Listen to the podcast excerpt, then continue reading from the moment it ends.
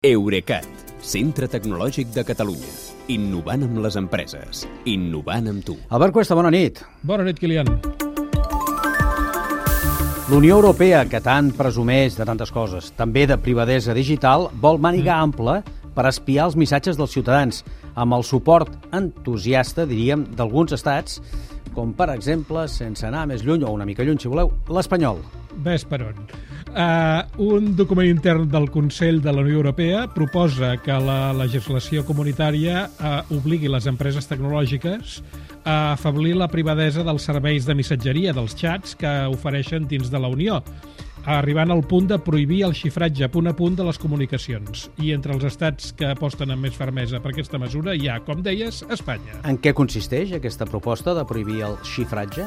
Doncs mira, uh, la revista Wired uh, ha obtingut, ha aconseguit i ha publicat un document d'una cosa que es, es diu Grup de Treball del Consell de la Unió sobre cossos de seguretat, de policies, mm. que recull la posició de 20 dels estats membres sobre quines mesures es podrien aplicar per evitar la difusió de pornografia infantil infantil.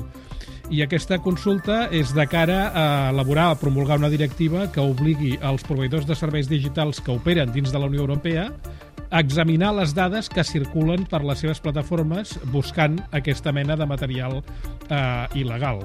Eh, però com que els operadors de plataformes no poden accedir al contingut de les comunicacions si aquestes comunicacions estan xifrades, 15 dels 20 estats consultats proposen a Ilva Johansson, que és la comissària d'Interior de la Unió, que es declari il·legal aplicar el xifratge a punt a punt dels missatges. Que, que això del xifratge a punt a punt és una tecnologia que els nostres oients fan servir cada dia, sí. perquè és la que evita, és la que que evita que puguin ser llegits en trànsit i que serveis de xat tan populars com no sé, WhatsApp i Signal fan servir per omissió i d'altres com Telegram l'ofereixen també com a opció.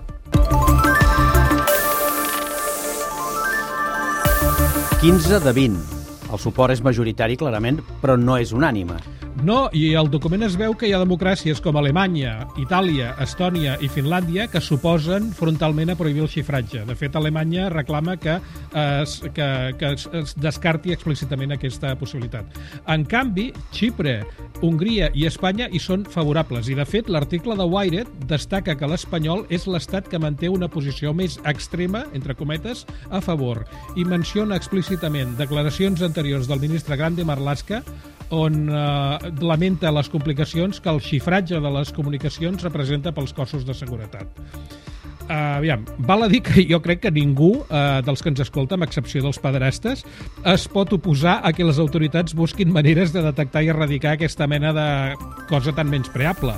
Uh, però jo trobo molt significatiu que qui reclama vulnerar la privadesa digital dels ciutadans sigui precisament Espanya, que, com sabem, es troba en el punt de mira d'organismes internacionals pel ciberespionatge, polítics i activistes independentistes que supos suposadament eh, el van practicar les autoritats de l'Estat, tot i que elles ho neguen.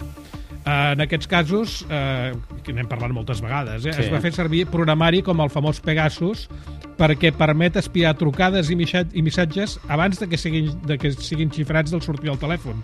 Però és que si es, prohibís, si es prohibís el xifratge Clar. ja no caldria fer servir Pegasus per res, per espiar. Ja no caldria, certament. No.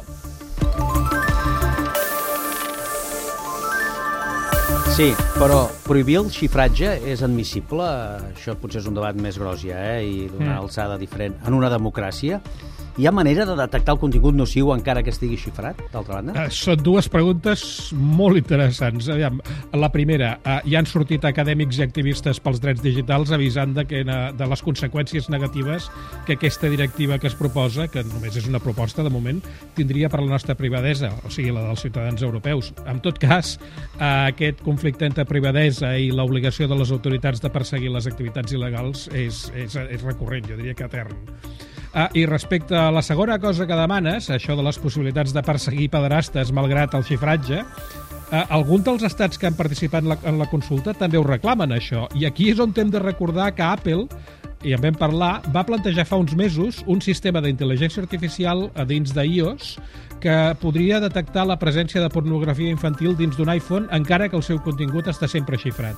I això ho feia comparant patrons eh, del contingut amb els patrons de bases de dades de contingut il·legal, bases de dades acreditades. Però es va muntar tal enrenou que Apple al final va renunciar a desplegar-ho. Doncs potser ha arribat el moment de rescatar aquella proposta, eh? Jo crec que s'haurien de plantejar, sí. Sí. Bé, gràcies, Albert, que vagi bé. Bona nit. Bona nit, Kilian. Fins demà.